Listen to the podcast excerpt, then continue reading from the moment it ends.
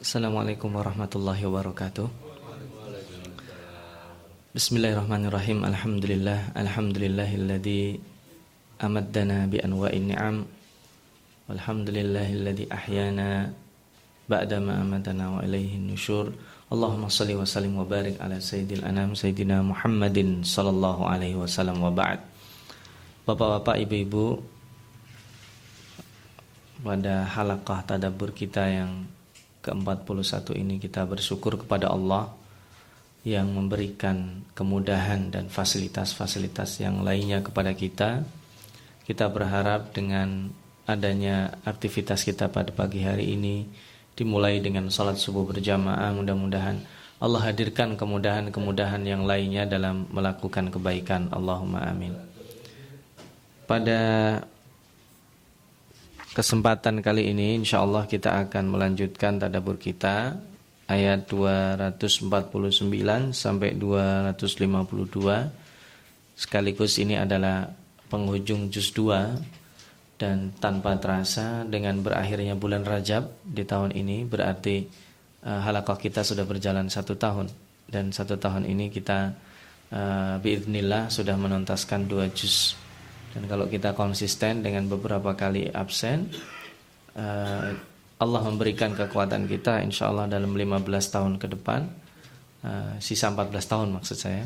Uh, Kita akan selesaikan Al-Quran Tadabur Al-Quran kita Bismillah Dan mudah-mudahan ini membawa kemanfaatan Dan seandainya Allah memungkasi hidup kita Ada sesuatu yang bisa kita tinggalkan untuk generasi setelah kita kita lanjutkan masih cerita tentang Tolut dan Jalut yang dikenal dengan David dan uh, Goliath itu ya. Uh, saya menyinggung terakhir yang kita tadaburi uh, beberapa uh, dua pekan yang lalu bahwa Tolut yang hadir di tengah Bani Israel itu hampir mirip dengan kondisi sosial kita. Masyarakat yang uh, terpuruk dengan keputusasaan, dengan perilaku elit-elitnya, yang elit-elit mereka itu yang kemarin disebut mengharap mereka yang menjadi raja ternyata ada hadir raja yang lainnya yang tidak di antara elit mereka. Ekspektasi yang tinggi itulah kemudian dibuktikan didampingi oleh nabi mereka dalam satu riwayat disebut Samuel, dalam riwayat lain disebut Yusha, itu tidak terlalu penting bagi kita. Dan ini sesungguhnya ujian yang yang sesungguhnya pada ayat-ayat yang kita tadaburi sekarang. A'udzu billahi minasyaitonir rajim. Bismillahirrahmanirrahim. Falamma fasala Talutu bil junud. Jadi kata-kata fasala di sini adalah ketika banyak tafsirannya, tetapi Al-Fakir ambil rajihnya ketika Talut berpisah. Fasala artinya berpisah. Uh, maka al-fasal itu tempat kelas. Uh, orang kalau sekolah itu sudah pasti pisah dengan orang tuanya. Secinta-cintanya orang tua kalau anaknya sekolah harus ditinggal Nah, di situ fasal. Nah, dikenal juga dari situ faslur robi, ada faslul kharif, musim. Musim itu nggak ada satu satu kali musim langsung dua. Ya mungkin di Indonesia aja musim hujan dengan musim kemarau e, tipis bedanya. Tetapi sesungguhnya musim itu memisah satu dengan yang lainnya. Nah ini dari kata-kata fasal di situ. Fasola diartikan ketika Talut berpisah dengan e, kerajaannya karena Tolut itu adalah raja tanpa singgasana. Kenapa raja tanpa singgasana? Karena Bani Israel ini masih dalam e, tidak stabil kondisi politiknya, kondisi sosialnya dan lain sebagainya. Artinya berpisah dengan mereka, meninggalkan mereka yang tidak ikut perang, meninggalkan rakyatnya yang menumpukan harapan pada mereka, meninggalkan semua dari kondisi yang stabil sebelumnya. Karena dalam peperangan itu berarti harus siap meninggalkan semuanya. Itu Al-Fakir ambil pendapat yang seperti itu. Ada yang mengatakan bahwa fasolah di sini adalah meninggalkan Baitul Maqdis. Bagi yang berpendapat bahwa Bani Israel itu sudah memasuki Baitul Maqdis sebelum datangnya Nabi Daud alaihissalam. Nah, kita eh, kita ambil pendapat yang pertama. Bil Junud itu dengan tentara yang sedikit. Nah, jadi mereka meminta dikirim raja Tolut untuk mengarahkan Jalut supaya berperang. Tetapi nyatanya ketika diwajibkan peperangan itu, yang terpilih uh, tereliminasi banyak sekali. Nah, di sini uh, kalau kita ambil pendapat di antara asar-asar para tabi'in, As-Suddi mengatakan juga diperkuat oleh Masruq bahwa bil junid ini ke, uh, kekuatan mereka ada yang mengatakan 40 ribu, ada yang mengatakan 70 ribu, ada yang mengatakan 80 ribu. Kalau pendapat As-Suddi dan Masruq 80 ribu. Nah, banyak ya berarti 80 ribu ya di zaman itu ya. Tetapi 80 ribu itu eh, sedikit karena jumlah mereka jauh lebih dari situ. Qala innallaha mubtalikum binahar. Nah, ini yang menarik bahwa pertama sebelum perang Talut mengatakan bahwa nanti kalian akan diuji dengan sungai. Itu sungai eh, yang terbentang dari Palestina ke Yordania. Eh, di perbatasan ya berarti. Nah, faman syariba minhu falaisa minni wa man lam yat'amhu fa innahu minni illa man iqtarafa ghurfatan biyadi. Ini satu paket. Barang siapa nanti yang meminum sungai itu, eh, di sini yang menarik syariba yang pertama. Minum itu ya minum. Yang kedua, wa man lam yat'amhu. Di sini tidak dikatakan wa man lam yashrab. Eh, lam yat'amhu Kemudian yang menarik yang ketiga illa manigtarofa, bukan illa man syariba. Jadi ada tiga kata-kata yang itu artinya berbeda semua. Ya, bagaimana itu? Nanti ketika datang kalian melewati sungai, di sinilah ujian pertama. Faman syariba minhu, Barang siapa yang meminum, meminum itu ya melepas dahaga. Dalam artian minum betulan. Nah, yang kedua, wa lam yat'amhu At-ta'am itu meminum sampai merasakan kenikmatan. Itu ta'am. Makanya ta'am, makanan itu kalau nggak ada rasanya tidak disebut makanan. Dari ta'am di situ, merasakan. Eh, kalau kalau ada zauk itu merasakan bahasa kita mencicipi. Kalau ta'am bukan mencicipi, dia memang menikmati. Oh, makanan ini enak. Bakso ini enak. Oh pecel ini enak. Ini kita pagi-pagi makan gini nggak? Uh, baca gini nggak apa ya? Itu baru ta'am. Nah wa lam yata'amhu tidak tidak bukan berarti tidak memakan karena ini minuman ya. Tapi mem, minum yang sampai membuat tenggorokannya merasa nyaman. Itu disebut dengan ta'am illa man nah di sini il ikhtiraf itu adalah cidukan uh, makanya mighrafa itu disebut gayung ya. Eh, meskipun di sini ada gurfa bagi orang yang tidak paham bahasa Arab loh gurfa kan artinya satu kamar. Kecuali orang yang minum satu kamar air ya sudah belendung di perutnya, bukan. Gurfa di situ bukan artinya kamar tapi ghurfah. Ghurfah dalam bahasa lain ghurfah artinya satu cidukan. Nah, so, tidak cukup orang habis berjalan lama kok minum satu atau dua cidukan, bukan berarti satu cidukan ya. Ghurfah di sini uh, ghurfatan biyadi. Jadi meskipun dua atau tiga kali cidukan dengan tangan ya seberapa, seberapa banyak sih orang minum kalau dengan cidukan tangan eh, nggak akan nggak akan membuat uh, hausnya hilang. Tetapi itu nantinya orang yang minum dengan cidukan-cidukan kecil itulah orang yang akan kuat. Fasyaribu minhu. Semuanya minum. Illa qalilan minhum. Coba bahasanya bukan uh, dipakai yang pertama. Fasyaribu artinya semuanya tergoda. Ah nggak penting lah saya mau ujian itu. Yang penting saya sekarang aus nah, itu. Illa qalilam minhum. Nah ini masih menurut pendapatnya Asudi kali ini diperkuat oleh Imam Qatada. Itu yang tersisa 4000 dari 80000 jadi 76000 tereliminasi ada yang mengatakan kalau di 40000 36 tereliminasi kalau 70000 berarti 66 tereliminasi Semuanya hampir sepakat mengatakan 4000 yang tersisa, sedikit sekali. Nah, 4000 orang ini akhirnya falamma jawazahu melewati sungai walladzina amanu ma'ahu dan orang yang sedikit ini eh, jadi yang banyak yang tadi tereliminasi tidak dibicarakan lagi ya. Itu luar biasanya Al-Qur'an. Yang aib, yang kurang-kurang sudah dilewati. Karena tidak itu titik tekannya. Titik tekannya adalah orang-orang berprestasi ini.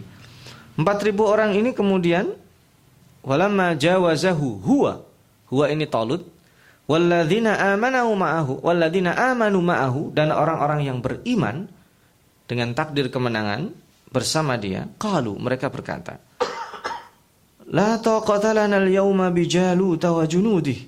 Kita ini tersisa sedikit 4000. Tidak memiliki kekuatan kita ini hari ini untuk menghadapi Jalut dan tentaranya. Nah, jadi di antara 4000 orang ini ada yang sedikit lagi.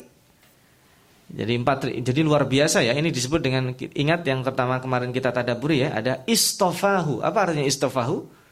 Memilih dengan pemurnian.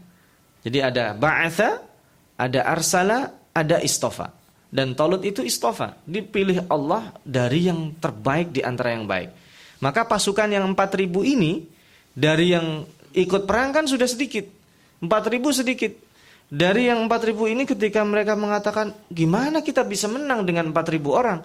Di antara mereka itu ada yang mengatakan qala alladzina yadhunnuna annahum mulaqullah kam min fi'atin qalilatin ghalabat fi'atan katsiratan biiznillah wallahu ma'as sabirin. Nanti kita tadaburi ulang ayat ini setelah melewati ayat setelahnya. Jadi di antara yang 4000 itu ada sedikit orang mengatakan tenang Orang-orang itu adalah orang yang yakin bertemu dengan Allah, artinya mendapatkan kemenangan Allah dan kalaupun meninggal mendapatkan surga. Mereka mengatakan kam min fi'atin qalilah.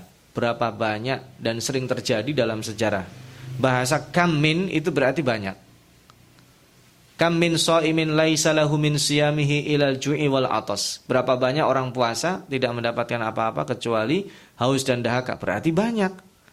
Berapa banyak di sini katakanlah seperti itu ya. Kamin itu artinya gitu.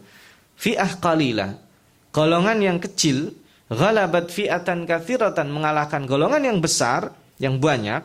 Biiznillah. Penekanannya di sini adalah biiznillah. Wallahu ma'as sabirin jika orang-orang tersebut sabar. Nanti kita ulang lagi setelah ayat berikutnya. Walamma barozu li Jalut. Ini dia ujian yang ketiga. Ketika mereka barozu melihat jelas terpampang di depannya 4000 orang itu melihat terbentang di dataran yang sangat luas Jalut dan pasukannya. Ya, mentalitasnya teruji lagi di sini. Qalu Rabbana afrigh alaina sabran wa thabbit aqdamana wansurna 'alal kafirin.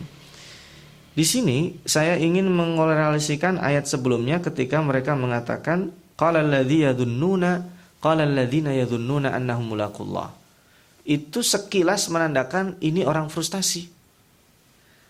Orang-orang yang yakin bertemu Allah, nah ini kalau diterjemahkan bahwa yakin bertemu Allah itu yakin mati gitu ya.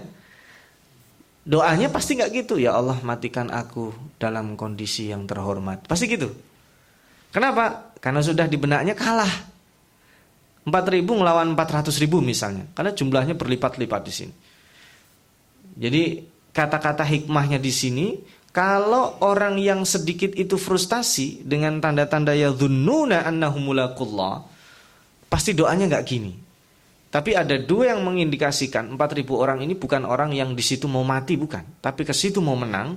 Yang pertama, ada orang-orang yang sedikit mengatakan kam bin fi'atin qalilah yang sedikit bisa mengalahkan yang banyak. Itu satu indikasinya.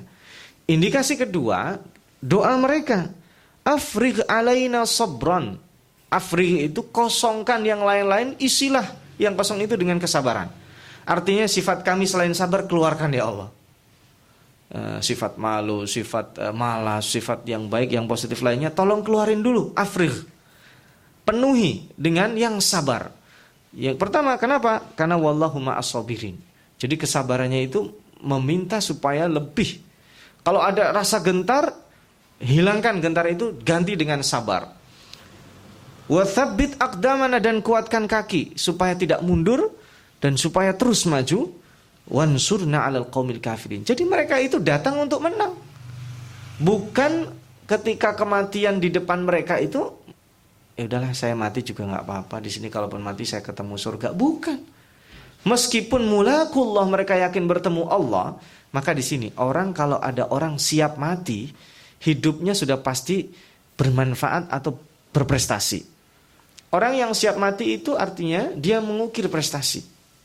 Kalau ada orang siap mati, saya mau mati, udahlah mati aja. Ah, itu berarti dia nggak siap mati. itu orang yang frustasi.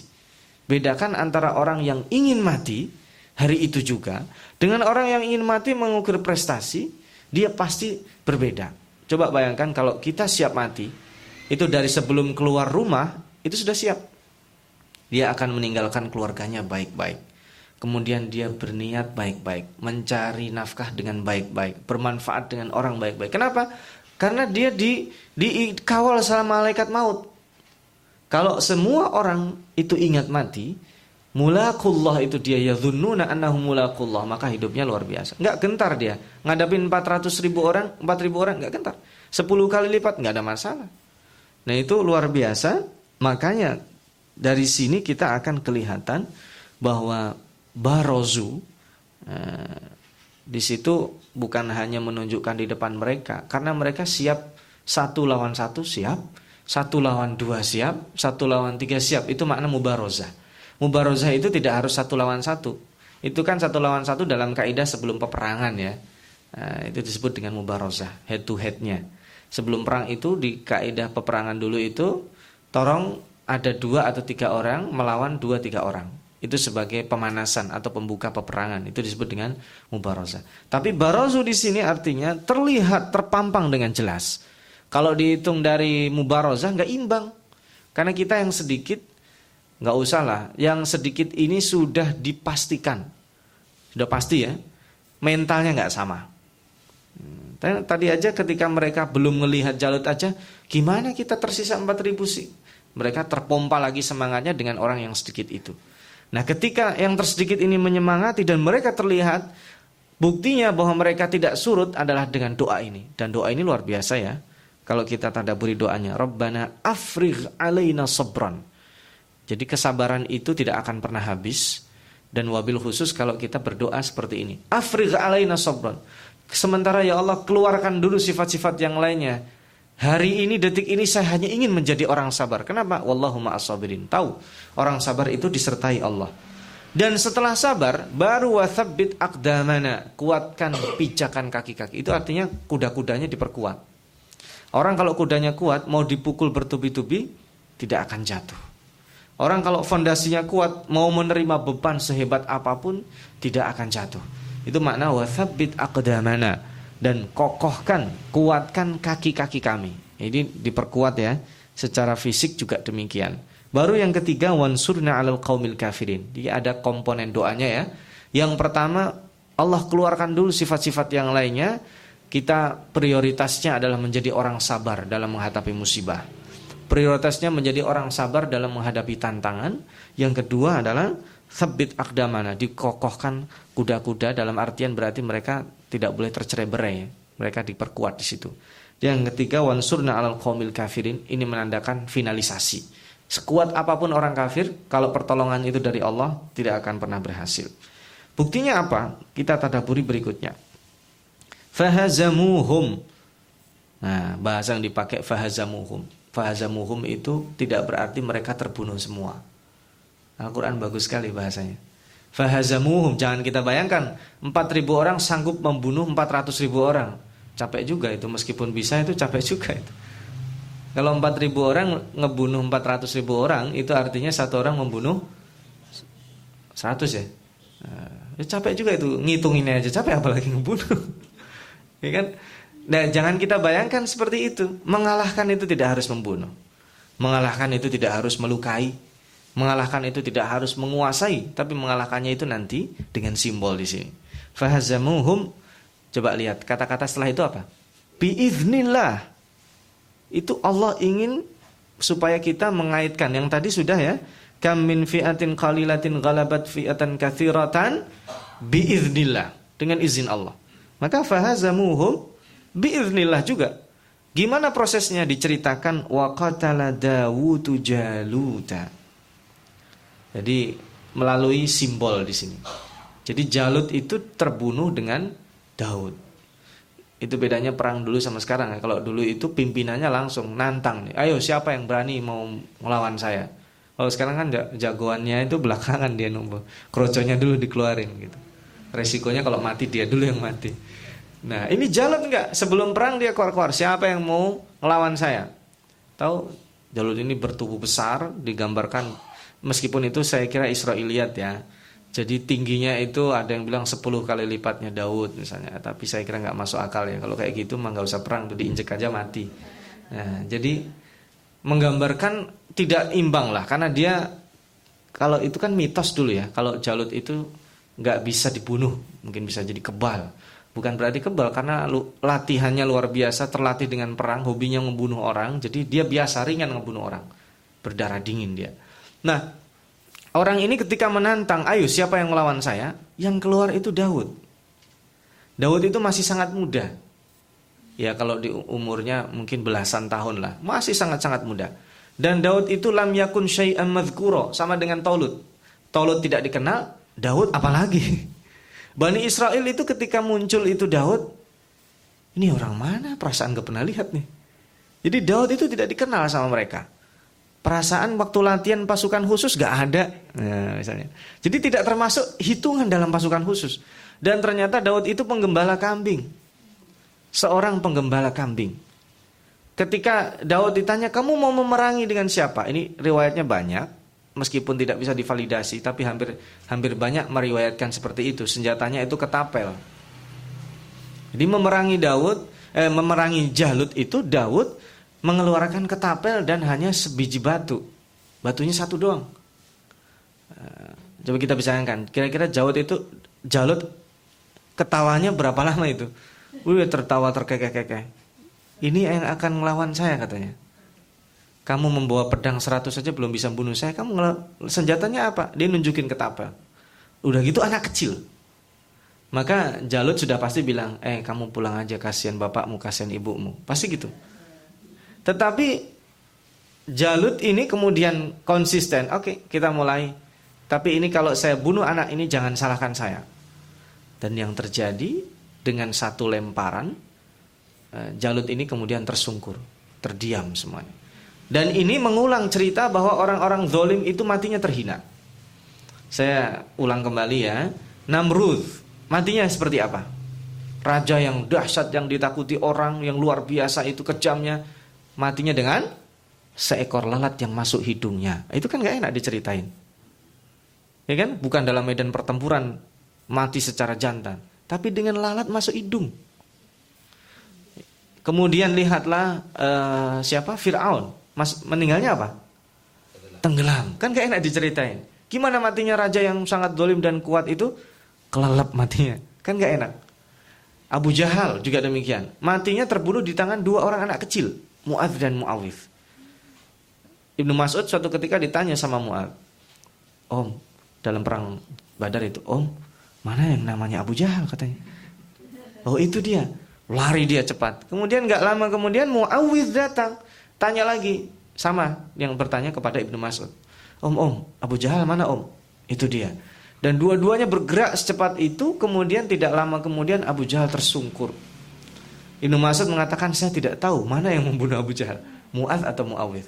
Jadi Abu Jahal tidak mati di tangan Hamzah. Abu Jahal tidak mati di tangan Umar, tapi matinya di tangan anak kecil. Demikian juga Jalut. Jalut yang sesumbar, dia mengalahkan sekian jagoan, memenggal sekian kepala, menzolimi, luar biasa kuatnya, ditakuti karena mitos yang sangat luar biasa itu, kalah dengan sekali batu kecil yang dilempar oleh Daud. Dan nanti terbukti Daud ini bukan siap, bukan orang sembarangan.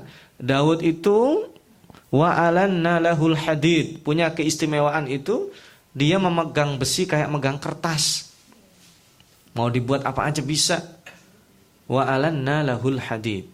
Dan ketika beliau itu membaca Zabur, berzikir kepada Allah, itu angin-angin yang tadinya kencang sepoi-sepoi menjadi indah. Burung-burung semuanya bertasbih bersamanya. Dia menjadi imam bukan hanya bagi manusia tapi bagi alam semesta. Kelebihan Nabi Daud itu kalau berzikir dia menjadi imam majelis zikirnya alam semesta. Itu nanti belum anaknya, anaknya wa asalna lahu ainal qitri. Dia memegang tembaga kayak menjadi pasir, menjadi air. Jadi kekuatan fisiknya Nabi Daud melebihi Tolut. Tolut aja kemarin kita kita bahas apa ya? Wazadahu bastotan fil ilmi wal jism. Tolut aja luar biasa kuatnya. Bukti bahwa Tolut kuat, itu Tolut sudah tahu Dia mengukur nanti yang akan lolos ujian melewati perjalanan yang panjang ini sedikit. Jadi Tolut gak minum air dia. Fisiknya lagi dia sanggup mengangkat. Jadi secara fisik sudah teruji. Daud kekuatannya melebihi Tolut. Maka ketika Jalut itu mati, fahazamuhum. Nah, ini bahasanya luar biasa. Fahazamuhum. Bisa jadi perang itu kemudian tidak ada. Kenapa? Lah mereka berperang untuk siapa itu? Pasukannya Jalut itu secara mental udah ngedrop. Lah kalau pimpinannya yang sudah sangat kuat itu dengan sekali ketapel mati. Bayangan mereka itu semuanya yang belakangnya Daud yang orang gede-gede itu ketapelnya berapa? Bisa jadi mereka seperti itu berpikir.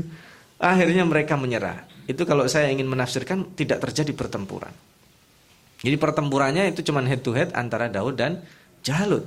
Tidak ada pertempuran itu. Maka bahasanya fahazamuhum. Dan itulah makna bahwa kita tidak tahu. Kita sudah merancang sekian nanti kalaupun terjadi korban jiwa sekian. Tapi Allah bisa menjadikan Fathu Makkah. Tidak ada berdarah-darah. Coba Fathu Makkah kalau kita lihat. Ini kisahnya. Ini nanti kan ini kan hiburan untuk Nabi Muhammad SAW. Dalam, dalam Fathu Makkah itu kan didahului perjanjian apa?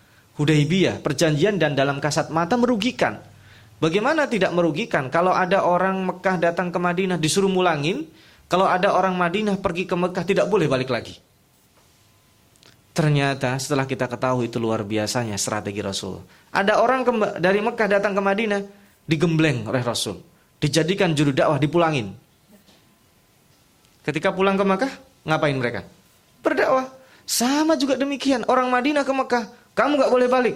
Gak apa-apa, emang saya mau ke sini. Di Makkah mereka ngapain? Berdakwah. Akhirnya strategi itu dimanfaatkan celah oleh baginda Rasulullah Sallallahu Alaihi Wasallam. Kan secara fisik kan ini kurang kurang ajar nih orang-orang. Masa dia ke sini suruh mulangin, orang sini ke sana nggak boleh balik. Dan strategi itu digunakan Rasulullah. Akhirnya 10 ribu orang masuk Islam dalam Fatu Makkah. Dan pada saat tentara yang luar biasa tidak tertandingi itu, mereka menyerah sebelum berperang. Di dalam Mekah sendiri kekuatan orang-orang pemuka Quraisy itu sudah kalah pamor. Akhirnya menyerah tanpa syarat. Apalagi kemudian 10 orang yang disuruh bunuh oleh Rasulullah SAW itu hampir semuanya melarikan diri. Jadi di antara dedenggot-dedenggot yang punya salah yang tidak termaafkan itu ada yang akan dihukum dihukum mati oleh Rasulullah. Itu pimpinan eksekutornya adalah Ali bin Abi Thalib. Nah, itu tidak berdaya. Dan Abu Sufyan di situlah uh, orang yang paling berkuasa pada saat itu juga tidak berdaya dan akhirnya juga memeluk Islam dengan segala uh, pengalaman dan uh, liku-liku politiknya Abu Sufyan pada akhirnya bergabung dengan kafilah Islam. Dan ini juga sama dengan ketika melalui luar biasa cobaan kita dari kemarin kita ingat ya, ini dalam dan dua pertemuan ini kita tahu Al-Malak yang pada waktu itu menuntut sebenarnya dia basa-basi. Yang dia inginkan ya Wahai Nabi sekarang di antara kami ini pilihlah dari pem jadi pemimpin, jadi raja.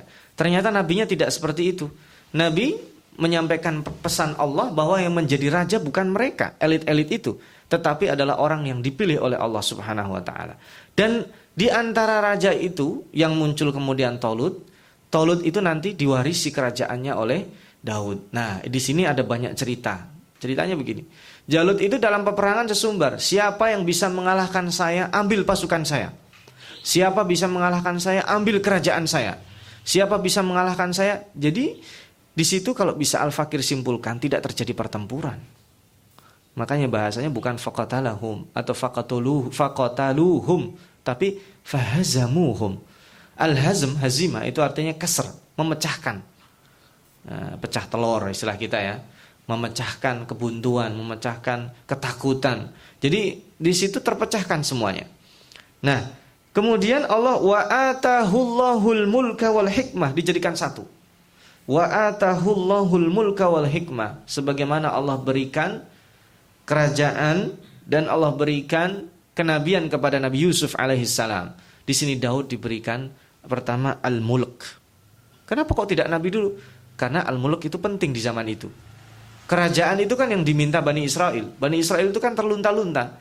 Dan Nabi Daud inilah uh, proses kemapanan Bani Israel. Memasuki Palestina. Meskipun dia belum memasuki Al-Quds. Nanti yang membangun Al-Quds yang uh, masuk masa jaya-jayanya itu anaknya. Itu Nabi Sulaiman alaihissalam yang kemudian menjadi mitos. Dan akhirnya saking besarnya mitos itu bahwa Nabi Sulaiman membangun kuil Sulaiman di tempat Masjidil Aqsa kita sekarang. Tapi itu mungkin lain waktu kita ceritakan itu ya. Itu kisah lain. Nah Nabi Daud alaihissalam ini diberikan al-mulk kerajaan setelah Talut meninggal. Jadi sepulang ini Daud nggak tiba-tiba langsung jadi raja. Kenapa? Proses itu luar biasanya Allah. Jadi Daud pulang dari sini menjadi pahlawan. Tapi pahlawan itu manusia. Dia tetap masih meniti karir, nggak langsung tiba-tiba ucuk-ucuk jadi raja. Tapi dia menjadi orang dekatnya Talut. Sudah pasti orang ini kan mengalahkan Jalut ya simbol kezaliman, simbol yang membuat takut Bani Israel yang susah sekali untuk memecahkan ketakutan itu kemudian dikalahkan oleh seorang pemuda yang pemberani. Kan dia maju. Daud majunya itu dikisahkan di dalam asarnya itu juga. Ketika Daud maju itu dia tidak takut. Kenapa? Karena dia tahu Allah Subhanahu wa taala di belakang dia. Alatnya meskipun di dalam asar itu tidak tidak bisa divalidasi, tapi hampir semuanya menyebutkan itu mikla itu sejenis ketapel kalau kita sekarang. Yang jelas itu batu yang dijadikan tumpuannya itu batu, bukan AK uh, bukan pesawat AK ya, bukan uh, senapan AK berapa misalnya, tapi itu batu. Uh, pecahan batu-batu kecil, batu sungai. Nah, bisa jadi kalau kita ambil, oh jangan-jangan Daud waktu ngelewatin sungai dia nggak minum, dia cari batu dia. Bisa jadi untuk untuk uh, alat ketapelnya itu, wallahu alam Nah, Itulah akhirnya melalui proses dan bahasanya luar biasa wa atahullahul mulk. Itu di tempat itu Allah akan berikan kerajaan. Ini nubuat. Berarti nanti pewaris tahta berikutnya Talut adalah Daud alaihissalam. Dan ketika jadi raja Daud tentunya bukan kanak-kanak lagi. Wa 'allamahu mimma yasha. Jadi ada tiga diberikan. Kerajaan, hikmah kenabian, yang ketiga ilmu. Karena prasyarat menjadi raja kemarin kan dua ya. Apa itu? Eh, bastotan fil ilmi wal jism. Itu dua-duanya ada di Daud. Nah, di Daud ditambahin lagi bukan hanya al-mulk tapi al-hikmah. Hikmah di sini kenabian. Kemudian Allah kunci dengan ibrah dari peristiwa ini. Walaulah daf'ullahi nasa ba'dahum bi ba'din la fasadatil ardu walakinallaha dhu fadlin 'alal alamin. Kalaulah tidak Allah jadikan penghalang Allah jadikan pertahanan sebagian manusia dari sebagian yang lainnya, maka rusaklah bumi ini. Jadi tabiat manusia itu ada yang rusak, ada yang bangun. Jadi kita nggak usah sedih. Kalau seandainya semua manusia itu membangun, bukan sunatullah. Sunatullah itu ada yang baik, ada yang buruk. Jadi ada yang membangun, ada yang menghancurkan. Dalam dalam kondisi semua ingin kebaikan juga gitu. Kalau kita punya rumah, kemudian rumah kita mau diperbaiki, itu pasti harus ada yang dihancurkan dulu. Itu kita inginkan kebaikan. Maka demikian juga dalam tatanan masyarakat kita, yang akan dihancurkan itu seperti doa tadi ya, afriq alaina sabran itu harus ada yang dikeluarkan. Sikap bakhil, penakut, pemalu yang tidak tempatnya, keluarkan ya Allah. Afriq alaina sabran, gantinya adalah kesabaran. Sama, daf'ullah di sini adalah pertahanan yang Allah buat dari manusia ini untuk menghalangi kerusakan manusia lain. Kalau bukan karena itulah fasadatil ard, maka bumi akan hancur. Ya kalau seandainya bumi itu diisi orang baik semua, itu kita juga tidak tahu. Kebaikan itu nantinya kalau tidak disebar, dia akan menjadi racun. Karena air yang suci kalau menggenang, lama-lama akan menjadi air yang mutanajis. Maka ketika ada orang baik berkumpul itu harus segera berpencar. Mencari orbit kebaikan yang lainnya. Kenapa? Karena di tempat lain bisa jadi di tempat kita sekarang berada, ketika tempat ini terkondisikan dengan kebaikan, tapi kita stuck seperti itu, maka nanti kelamaan akan bosan. Eh, caranya bukan, oh berarti sekali-kali kita jangan jadi orang baik dong. Oh bukan, sekali-kali kita perlu keluar, memperluas orbit kebaikan itu. Nah itu bahasanya daf'ullah. Karena di tempat ini sudah cukup. Ayo kita di tempat ini sudah stabil, kita menyebar ke tempat lainnya. Nah itu yang disebut dengan daf'ullah. Walakin Allah fadlin alal alamin. Dan Allah, tetapi Allah memiliki al-fadl alal alamin. Fadl itu keutamaan yang menjadikan pelaku tadi daf'ullah itu keutamaan di antara orang-orang yang lainnya. Maka nanti ditutup ayat 2 ini sebenarnya ayat ini bukan penutup, ada sambungannya nanti. Tilka ayatullah, itulah ayat-ayat dan tanda-tanda kekuasaan Allah. Natluha, kami bacakan untukmu Muhammad. Alaika bil haq. Dengan sungguh nggak ada yang salah ini. Jadi kisah Daud dan Jalut itu meskipun detil-detilnya Allah tidak gambarkan, tetapi itu kisah itu benar Bukti benernya juga kita bisa melihat di kitab perjanjian lama, kitab perjanjian baru.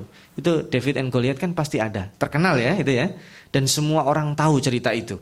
Itu benar. Maka di sini wa inna kalaminal mursalin dan sesungguhnya engkau adalah termasuk bagian orang-orang yang aku utus. Nah, kita kembali ya. Bahasa ba'atha, bahasa istofa dan bahasa arsala. Tiga-tiganya itu ada pada Nabi Muhammad SAW. Nanti baru di pertemuan berikutnya kita bahas tilkar rusul.